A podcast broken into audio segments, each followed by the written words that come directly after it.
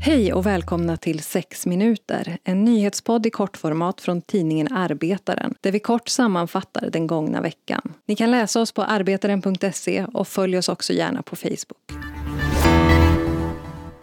I veckan blev det klart att Högsta domstolen kommer att ta upp det uppmärksammade fallet om människoexploatering, där en krögare först dömts och sedan friats för att ha utnyttjat två anställda arbetare från Bangladesh. Arbetaren har flera gånger tidigare rapporterat om händelsen där två nyanlända arbetare tvingades jobba utan lön och under dåliga arbetsförhållanden på krögarens restaurang i Norrköping. Krögaren dömdes först till fängelse i åtta månader men överklagade och friades senare av Göta hovrätt. Nu ska fallet alltså avgöras i Högsta domstolen.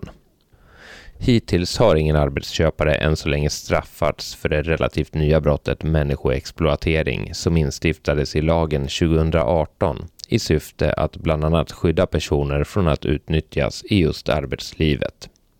Vi hoppas att HD kan komma med en tydlig vägledning så att det bildas en stabil praxis. I det här fallet kan man säga att tingsrätt och hovrätt har gjort helt olika tolkningar, säger My Hedström som är byråchef vid Åklagarmyndigheten till tidningen Hotellrevyn.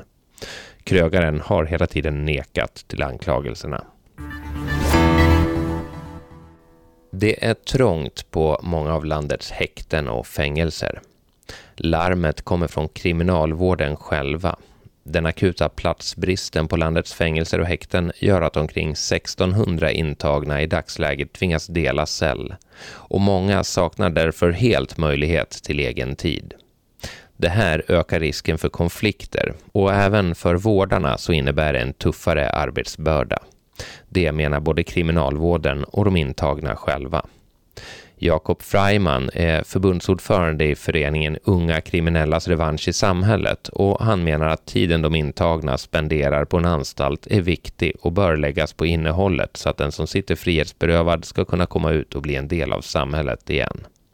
Därför är han kritisk till att allt fler nu tvingas dela cell.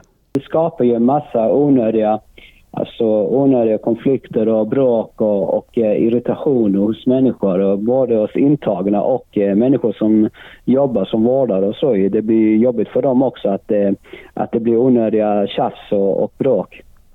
Det sa alltså Jakob Freiman från Unga kriminellas revansch i samhället. Och på grund av den senaste tidens straffskärpningar för vissa brott väntas läget nu bli ännu mer akut inom kort. Kriminalvårdens generaldirektör Martin Holmgren förklarar själv i en intervju med Sveriges Radio att man räknar med en ökning av antalet intagna med omkring 20 procent de kommande fyra åren.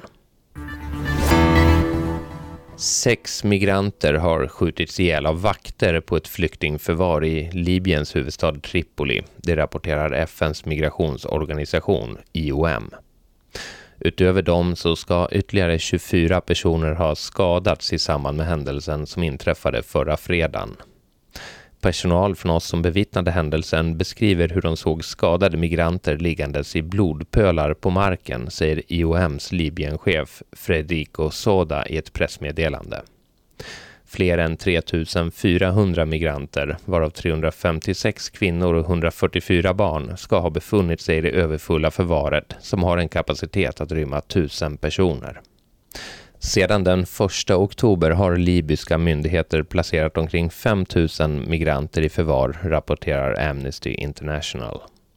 Vittnen menar att massgripandena har varit rasistiskt motiverande. De grep alla som var svarta, ska ett ögonvittne ha sagt till människorättsorganisationen.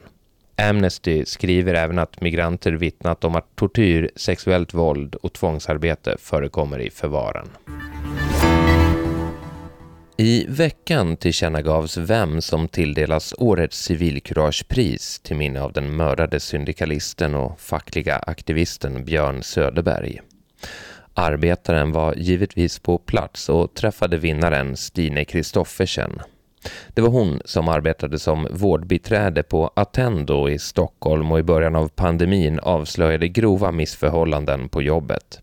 Något som fick stor uppmärksamhet runt om i hela Sverige och bland annat ledde till P1-dokumentären Det illojala vårdbiträdet efter att hon avslöjat cheferna med hjälp av dolda inspelningar. Alltså jag är ju otroligt glad, eh, överraskad såklart.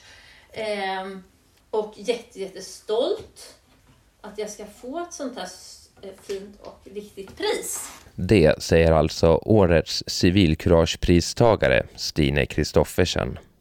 Priset på 10 000 kronor delas ut varje år av SAC-syndikalisterna och går till någon som visat civilkurage på jobbet. Läs hela den långa intervjun med Stine och mer information om priset och tidigare pristagare på arbetaren.se. Det här var veckans 6 minuter. Vi hörs igen nästa fredag.